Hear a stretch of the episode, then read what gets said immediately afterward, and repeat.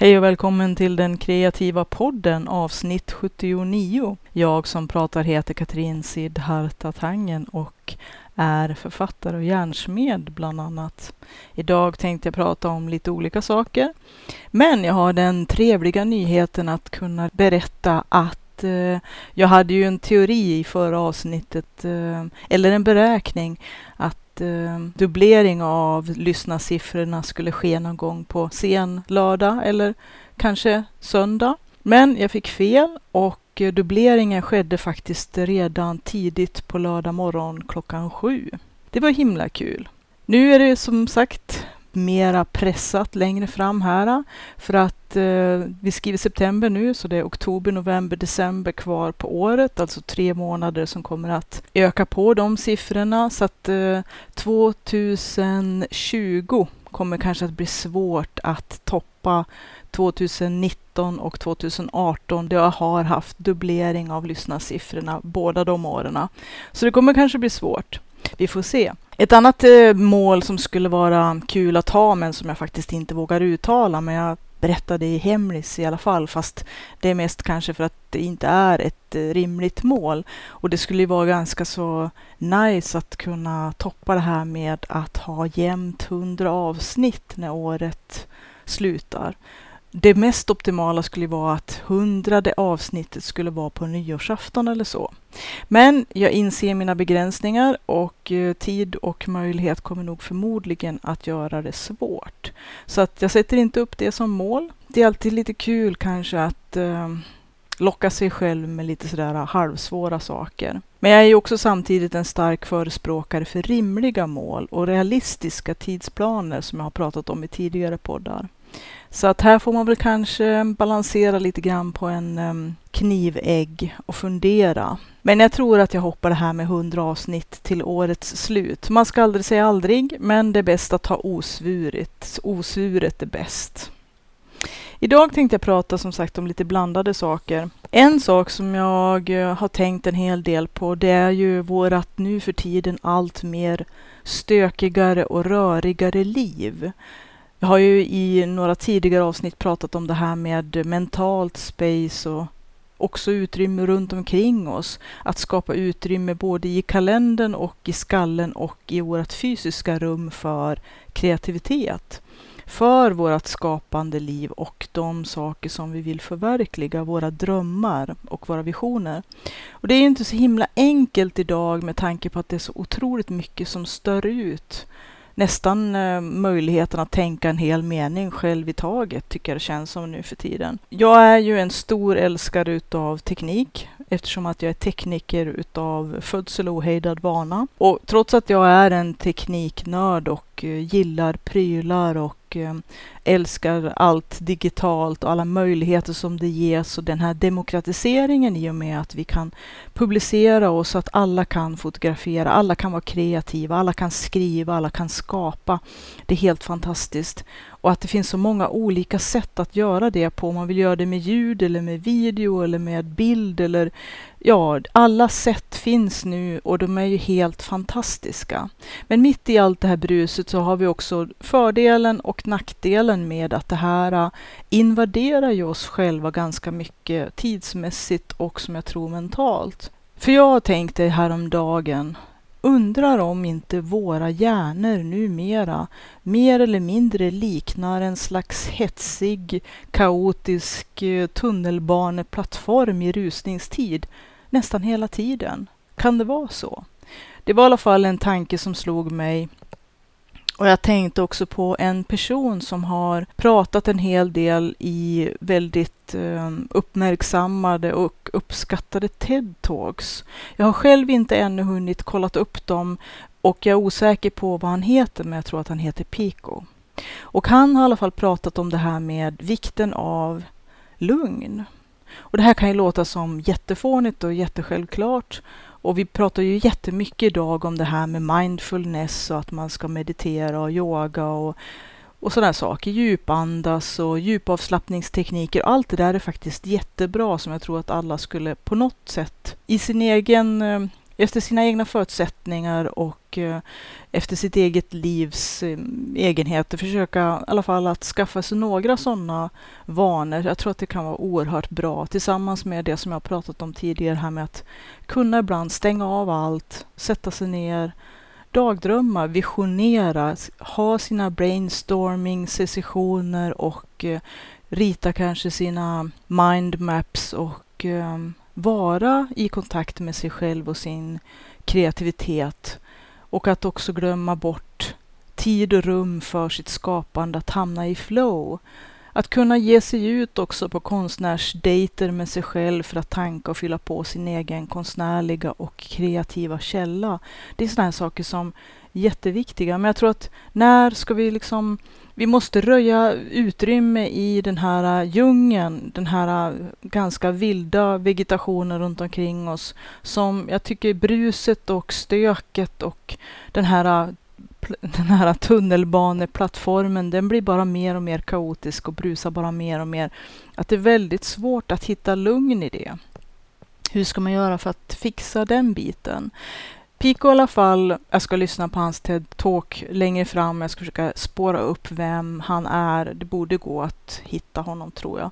I alla fall pratar jag om det här med att skaffa sig vanan att ha en lugn stund, börja dagen varje morgon och varje kväll innan sänggåendet. Att det behöver inte vara jättemycket tid och utrymme det optimala skulle kanske kunna vara 20 minuter på morgonen och 20 minuter på kvällen. Det jag också tror att jag skulle vilja lägga till, det är det här med våra skärmar. Att se till att uh, låta dem faktiskt få vara utom synhåll och utom hörhåll perioder när vi själva bestämmer att vi inte är styrda utav dem utan att det är vi som bestämmer och styr över våra egna skärmar och våra egna devices. Att uh, den här lugna stunden på morgonen. Det kan ju också innebära att man måste gå upp lite tidigare. Hur? Men att det kanske är värt det i långa loppet för att få kontakt med sig själv och att framförallt må bättre. Så jag tror ganska mycket på det här med stillhet, att ha de här perioderna eller de här intervallerna då man lite grann ger sig det som en gåva till sig själv. Jag tror att det kanske till och med är så att man måste börja träna vi, eller många i alla fall, är väldigt ovana med att eh, för det första stänga av alla devices. Det är väl kanske en skrämmande tanke för många. Men också att under en hel minut eller fem minuter inte ha en massa saker som pockar på vår uppmärksamhet. Inte hela tiden kasta oss in i telefonen så fort det blir en tråkig minut eller väntetid. Utan att använda tiden till någonting kreativt istället. Och att vi kanske måste börja med att träna kortare perioder. Att eh, stänga av ljudet och lägga undan till exempel telefonen och plattan eller vad det nu är för någonting. Gå ifrån skärmar, stänga av ljudet på tv och datorer och vad man nu har för någonting som väsnas och brusar i omgivningen.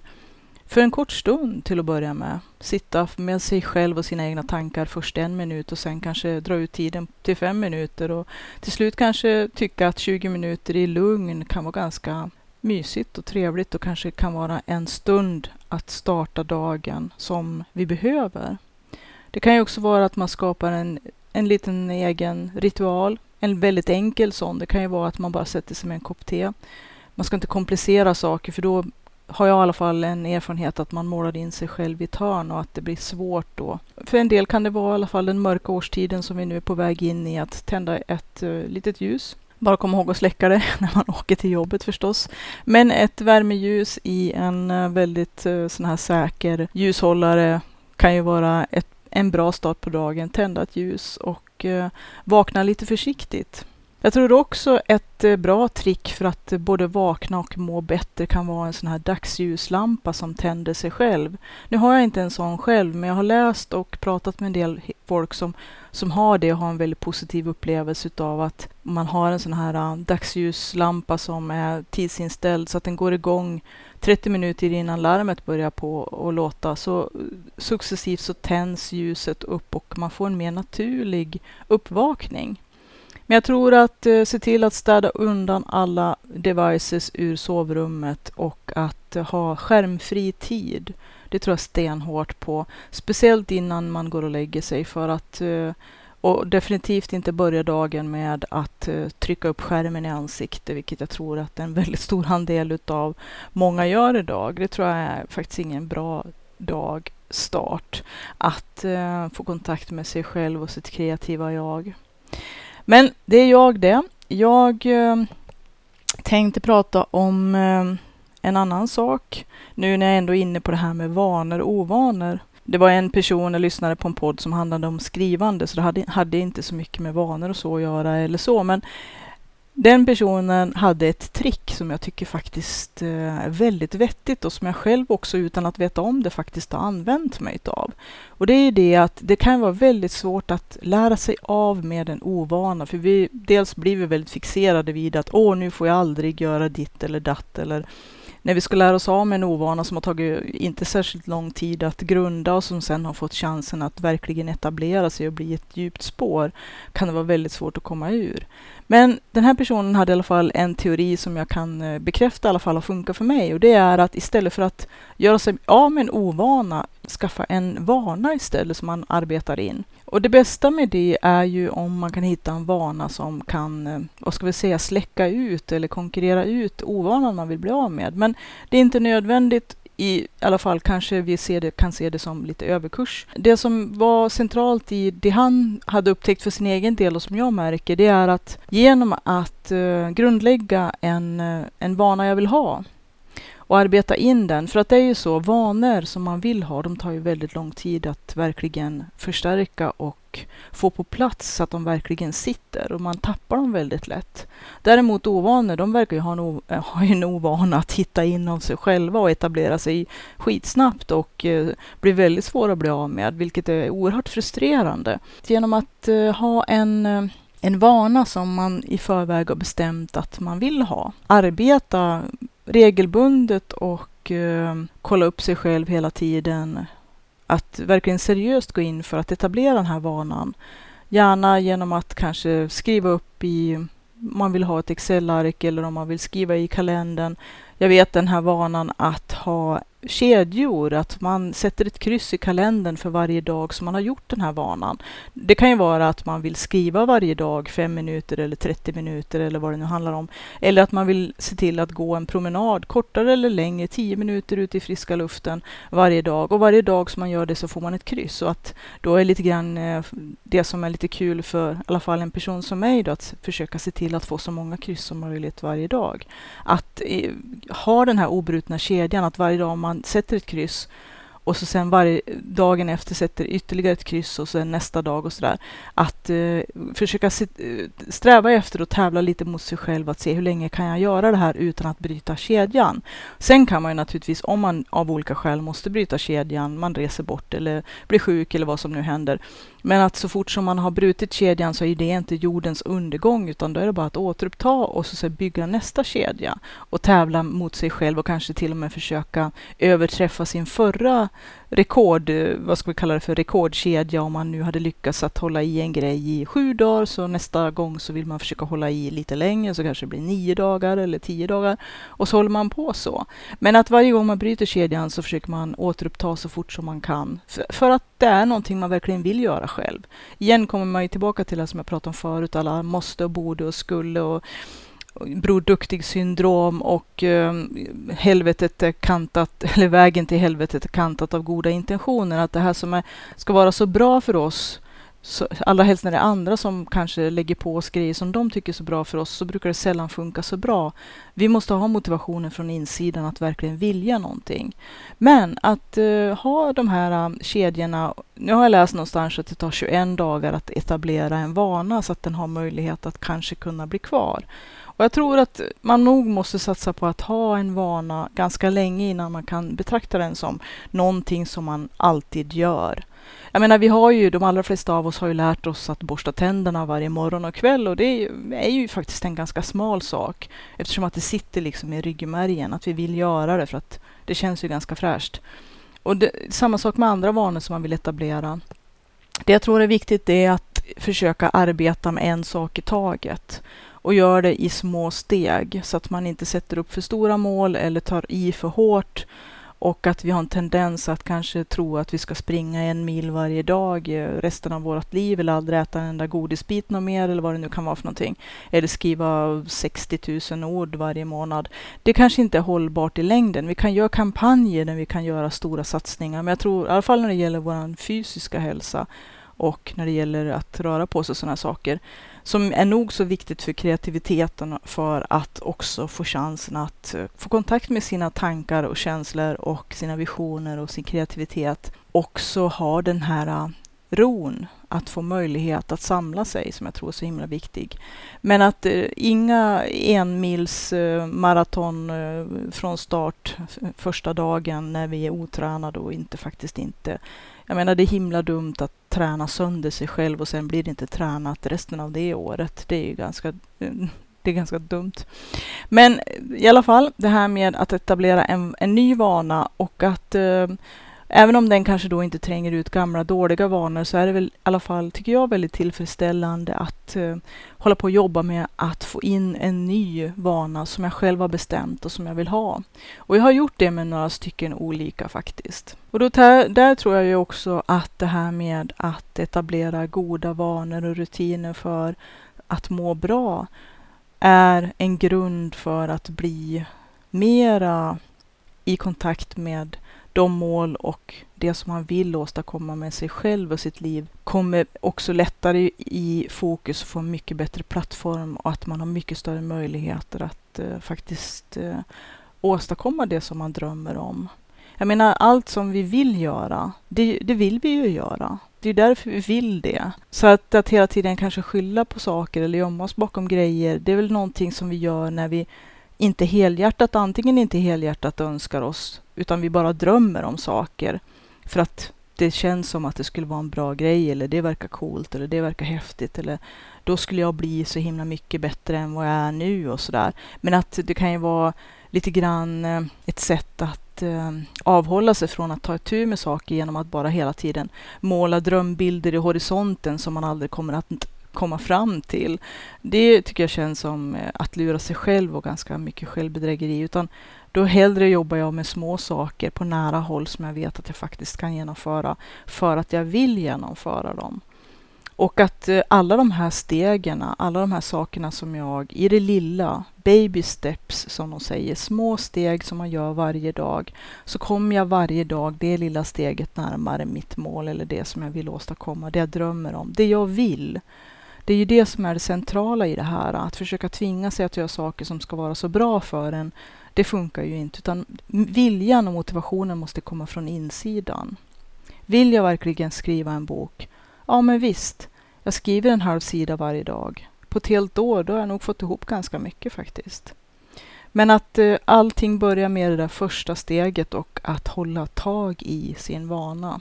Det kan ju vara en bra grej för den som är intresserad antingen utav att skriva eller om det är att måla eller fota eller ja, vilken typ av kreativ verksamhet man än är intresserad av. Att uh, ha som mål att uh, sätta ett kryss i kalendern varje dag för att man har gjort en liten, liten grej för att komma lite närmare det målet som man har framför sig. Det kan ju också vara en fin vana som jag tror stenhårt på att försöka gräva ut det här utrymmet i sin omgivning, i sin tid i sig själv att kunna ha som mål att 20 minuters lugn, 20 minuters samlande varje morgon och kanske varje kväll, helst båda.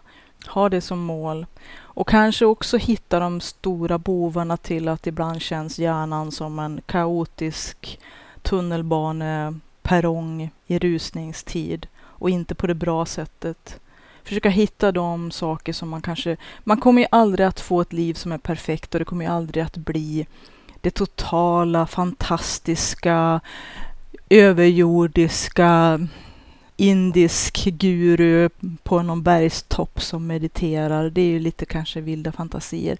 Men att man kanske kan i alla fall, man kanske kan mejsla fram de här små utrymmena i sin tillvaro för att få lite större möjlighet till det här kreativa spacet, den här mentala, det här mentala lugnet som kan behövas för att komma vidare med en del saker. Både i sig själv och med sig själv, men också med de saker man drömmer om. Det var ju också en liten sån här sak som jag tänkte prata om i det här avsnittet. Det här som man drömmer om. Jag tycker att eh, några av de mest upplysande trådarna, jag hänger ju i en del forum, de mest upplysande trådarna som jag tycker är väldigt intressant att läsa, det är ju när någon har ställt en fråga som kan vara, ja det finns ju massor med varianter på det här. Vad skulle du göra ifall att? Och då kan det ju ofta vara sådana här frågor om du inte behövde tänka på försörjningen eller om du inte behövde tänka på allt du måste göra. Vad skulle du göra om du fick bestämma? Vad har du för mål? En variant kan ju vara vad skulle du göra om du fick medborgarlön? Jag har inte rotat så mycket i de ekonomiska teorierna och så bakom det här med medborgarlön. Men bara som ett tankeexperiment, om du inte hade pressen att uh, du måste tjäna en viss mängd med pengar, eller att du hade en viss del av din ekonomi säkrad. Naturligtvis, det finns också en del trådar som brukar ha liksom den drömvisionen att om du nu var ekonomiskt oberoende, vad skulle du göra då? Men egentligen så är det inte pengarna det som är det viktiga i de här trådarna, utan det är ju vad folk svarar att de skulle drömma om att de skulle göra ifall att de kunde och fick. Och, och det som jag alltid slås av, det är att mycket av de saker som folk drömmer om och skriver om att de skulle göra, om de inte behövde känna pressen ifrån vardagen eller ekonomin eller vad det nu är för någonting. Om de var ekonomiskt oberoende så brukar många skriva en massa jätteintressanta och kreativa saker som jag tycker också är spännande. Det här med att ha en liten bucket list, en önskelista på saker som man vill förverkliga, det tror jag är en jättekreativ grej. Jag har aldrig haft någon sån själv. Det är det som också är lite grann skäm, skämmigt eller skämtsamt, jag vet inte vilket. Men, och jag tänker hela tiden, jag måste skriva en sån här bucket list. Jag måste ha en sån. Även om att, eh, liksom, bara att kunna liksom punkta upp en del saker som det här drömmer jag om, det här skulle jag vilja förverkliga innan jag dör, eller det här vill jag åstadkomma eller få gjort eller ha en dröm om ett mål att göra, kanske kommande år eller kanske ha en ja, flerårig plan, men i alla fall ha de här äh, målen som man liksom eh, Wow, tänk om jag fick göra det här. Fan vad häftigt. Oj, nu svor jag igen. Det, usch, nu skulle min son ha skällt på mig. Vårda språket, skulle han ha sagt. Jag undrar vem man har lärt sig det av. Nej, men hur som helst. Jag skulle vilja utlysa en liten eh, en liten, eh, jag vet inte, en utmaning kanske till alla som lyssnar på den här podden att eh, om det finns trådar eller kolla på nätet. Det finns ju massa olika ställen där man kan läsa sådana här trådar med bland annat då bucket lists eller eller, ja, nu har jag inte gjort någon sökning så jag kommer inte på någonting sådär på stående fot som skulle kunna vara bra sökningsmetoder eh, eller ord eller nyckelbegrepp. Men att hitta kanske forumtrådar eller själv starta forumtrådar. Vad skulle du göra om du hade no limits kanske? Men då kanske det blir lite för vilt drömmande om man liksom typ, jag vill vara universums härskare eller bla bla bla liksom sådär. Men det är klart, samtidigt, det kan ju vara kul också med det här gränslösa, men att vad skulle du göra om du inte behövde jobba 100 procent kanske bara jobba mm, 75 procent eller 50 procent. Vad skulle du göra om du hade en del av ekonomin säkrad så att du kunde ha någonting vid sidan av, ett projekt eller någonting som du vill syssla med, som du brinner för, som känns jätteangeläget, men som du nu inte känner att du har utrymme för. Vad kan det vara för någonting? Men att kanske hitta de här trådarna med eh, vad skulle du göra om du hade möjlighet ekonomiskt eller för då menar jag ju inte heller att åh, du får massvis med miljoner så att du kan eh, köpa en massa eh, häftigt eh, material eller vad det nu är för någonting. Utan att du ska göra jobbet själv men att du inte behöver tänka på det vardagliga nötandet för att klara livhanken. Men nu kommer jag från ämnet lite grann, förutom det här med att jag tycker att det är en bra grej, en utmaning.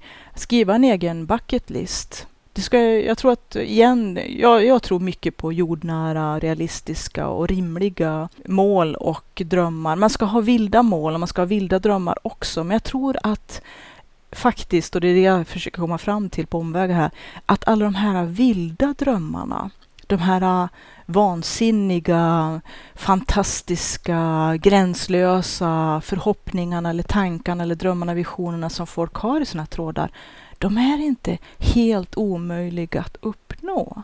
Det är det som jag reagerar mest för och starkast för. Att det som folk skriver i de här trådarna, det är ju högst rimliga och realistiska saker som faktiskt går att genomföra, till och med utan medborgarlön till och med utan att ha en del av ekonomin säkrad eller vara ekonomiskt oberoende. Eller, utan att faktiskt, en del skriver, ja om jag inte behövde tänka på ekonomin eller hade lite pengar vid sidan av, då skulle jag, och det kan ju vara allt ifrån att jobba ideellt, jobba för välgörande ändamål, att skriva den där boken, att plantera en trädgård. Det kan ju vara sådana här väldigt, väldigt jordnära saker. Och nu ska jag vara lite krass och kanske lite uppkäftig. Men många gånger när jag sitter och läser de här trådarna så, så för mig själv så, det har jag gjort. Ja, men det har jag också gjort och det har jag gjort och det är inte för att liksom typ toppa dem eller att jag är så himla märkvärdig. Nu skriver jag aldrig de här trådarna någonting alls faktiskt. Men allt det som de flesta skriver, det är sånt som jag redan har förverkligat eller är på väg att förverkliga. Och det är inte för att jag är så himla special. Inte ett dugg, utan det är för att jag inte tänker att saker i min praktiska verklighet ska vara hinder för det som jag faktiskt vill förverkliga. Sen kan man ju naturligtvis ifrågasätta hur helhjärtat vill de det här, alltså om de säger att de vill ifall att de hade allting säkrat. Det kanske är sådana saker som man bara säger för att det ska vara, ja men liksom skulle vara coolt. Alla vill ju vara författare till exempel. Men det är få som vill skriva en bok för det är fruktansvärt mycket jobb.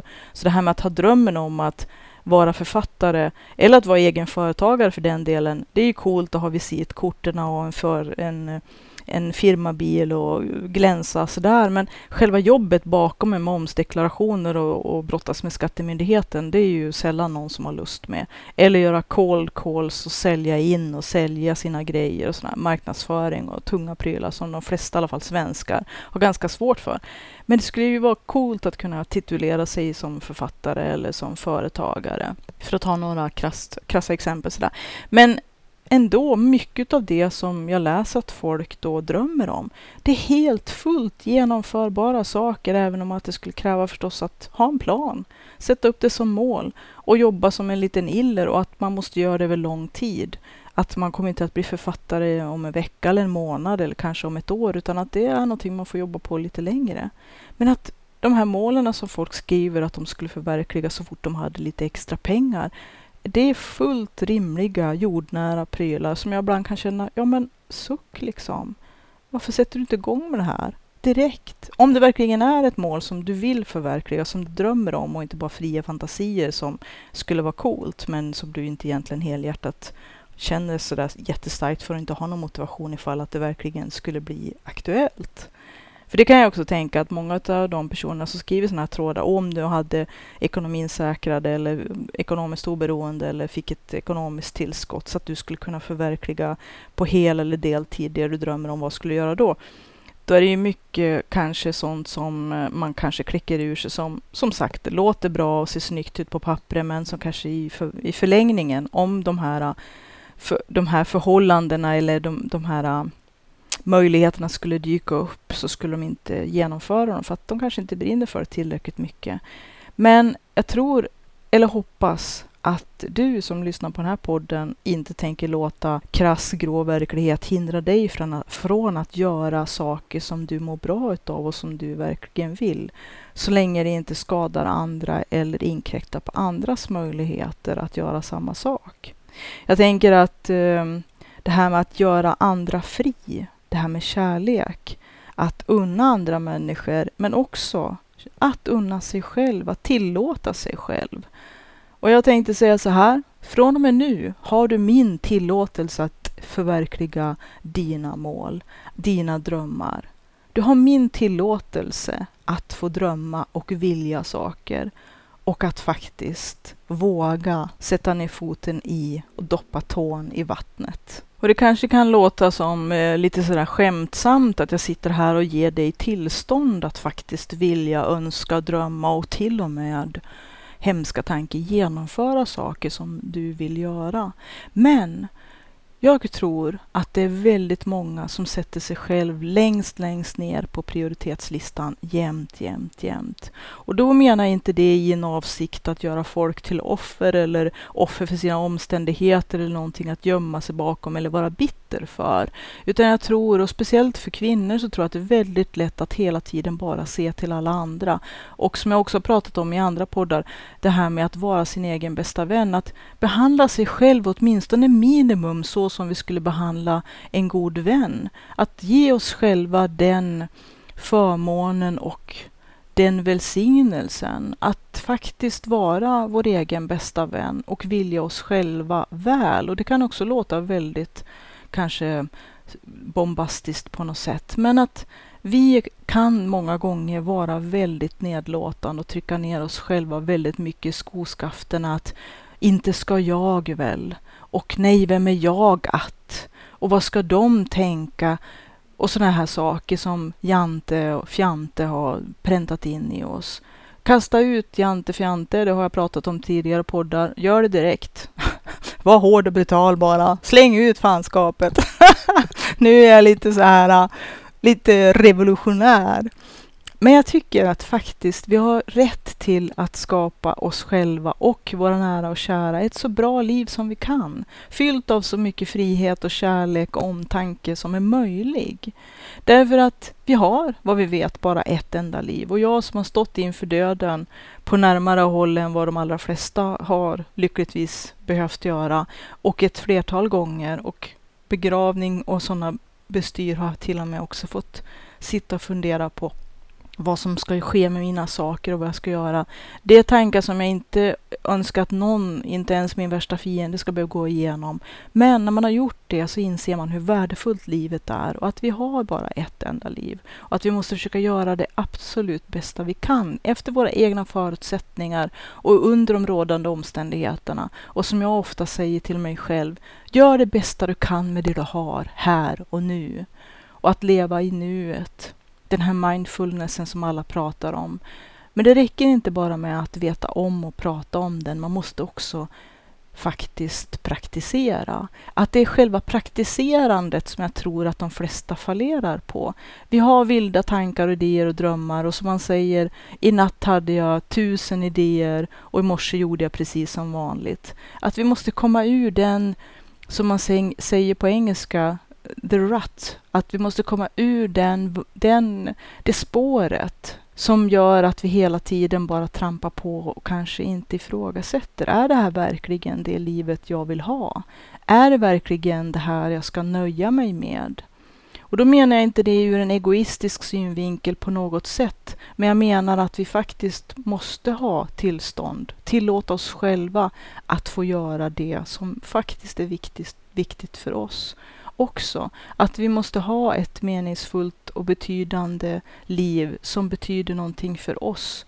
Att det är väldigt vackert att kunna finnas för alla andra. Det är väldigt fint att ha resurser att kunna ta hand om alla runt omkring sig.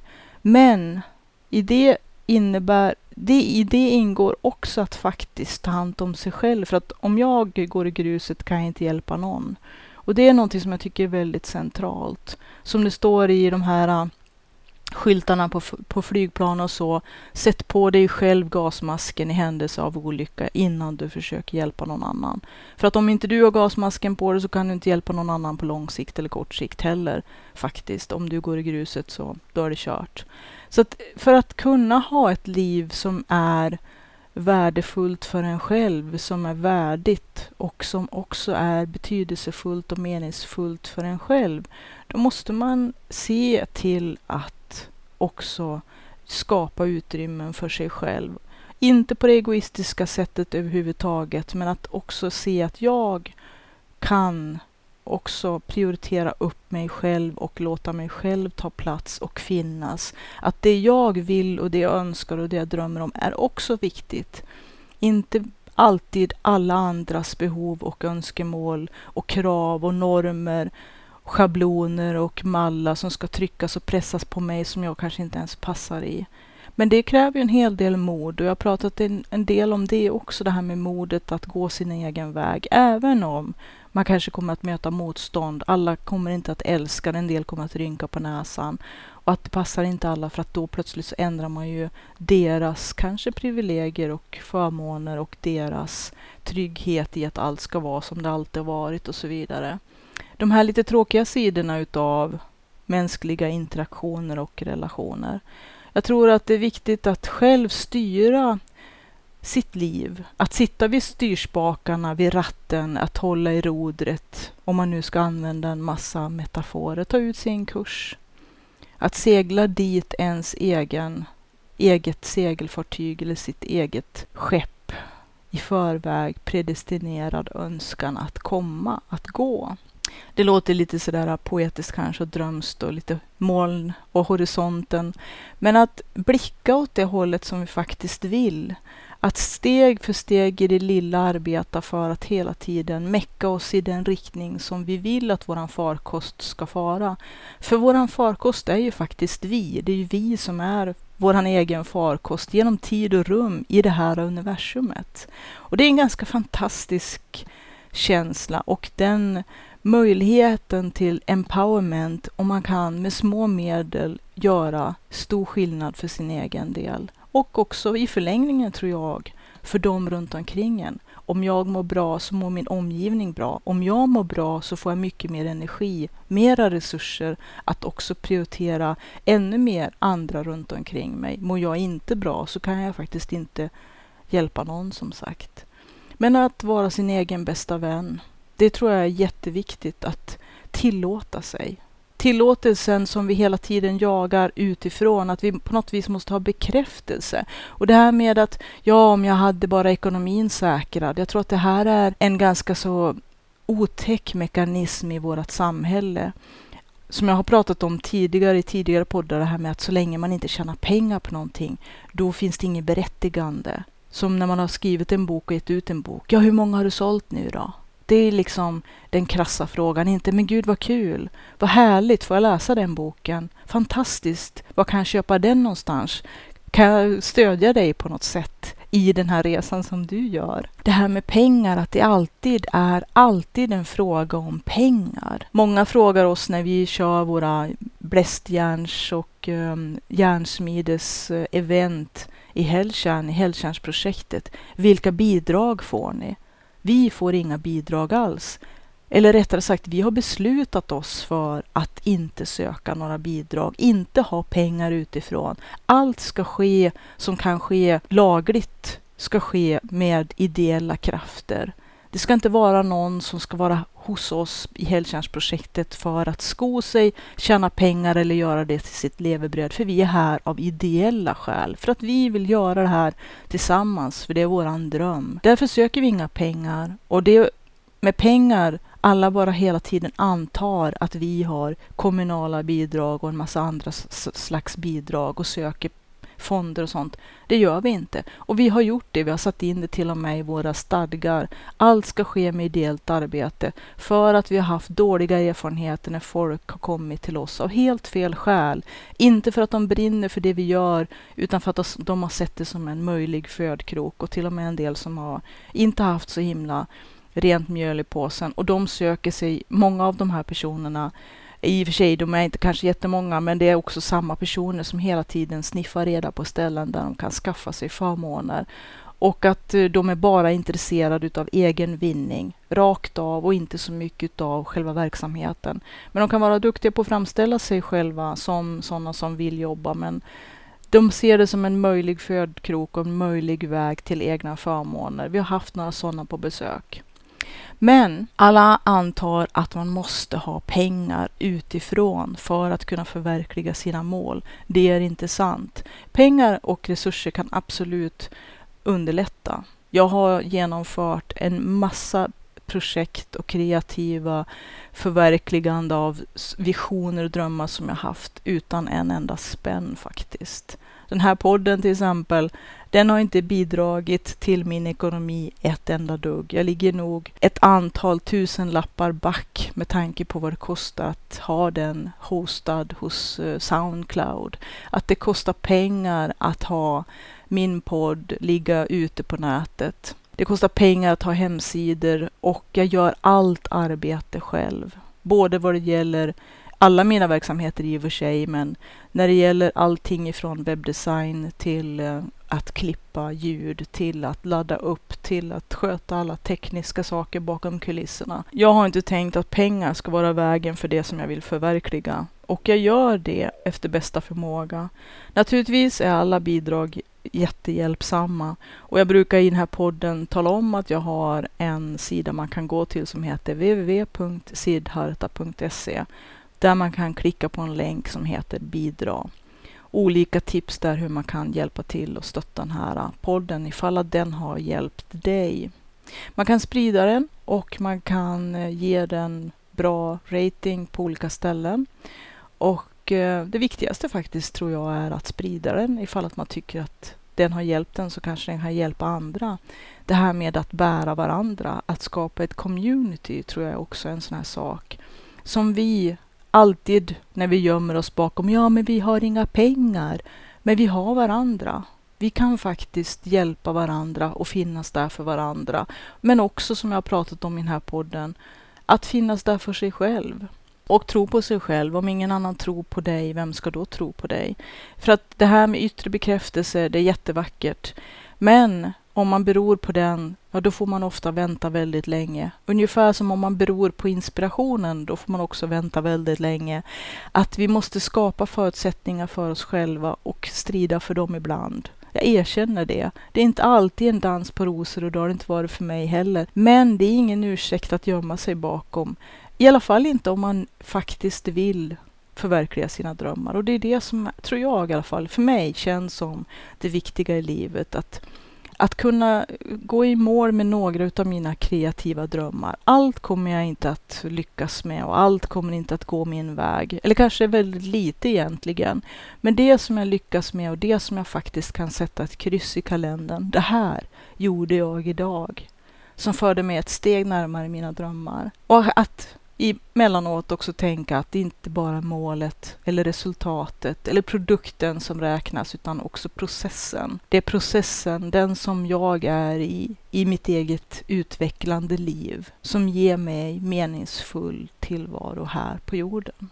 Hoppas du haft behållning av den här podden och eh, titta gärna in på www.sidharta.se Z-I-D-D-H-A-R-T-A.se Jag har sagt det så många gånger nu så att jag nästan inte vet hur man stavar till det. Och du kan också bli Patreon på www.patreon.com siddis Z-I-D-D-I-S. Det finns länkar om man lyssnar på den här podden via Soundcloud så finns det länkar till Buy Me A Coffee och till mina olika verksamheter. Helgtjänstprojektet, vi ska ju snart ha Blästerhelg igen. Om du lyssnar på den här podden nu i slutet på september. Vi kör ju en eh, Blästerhelg varje helg som är öppen för allmänheten vecka 22 på våren och vecka 39 på hösten i normalfallet. Det går ju också att hitta på Soundcloud där det finns länkar till Helgtjärn och till lite andra prylar som jag sysslar med. Ha det gott och tänk på det, du behöver inte ha massa pengar.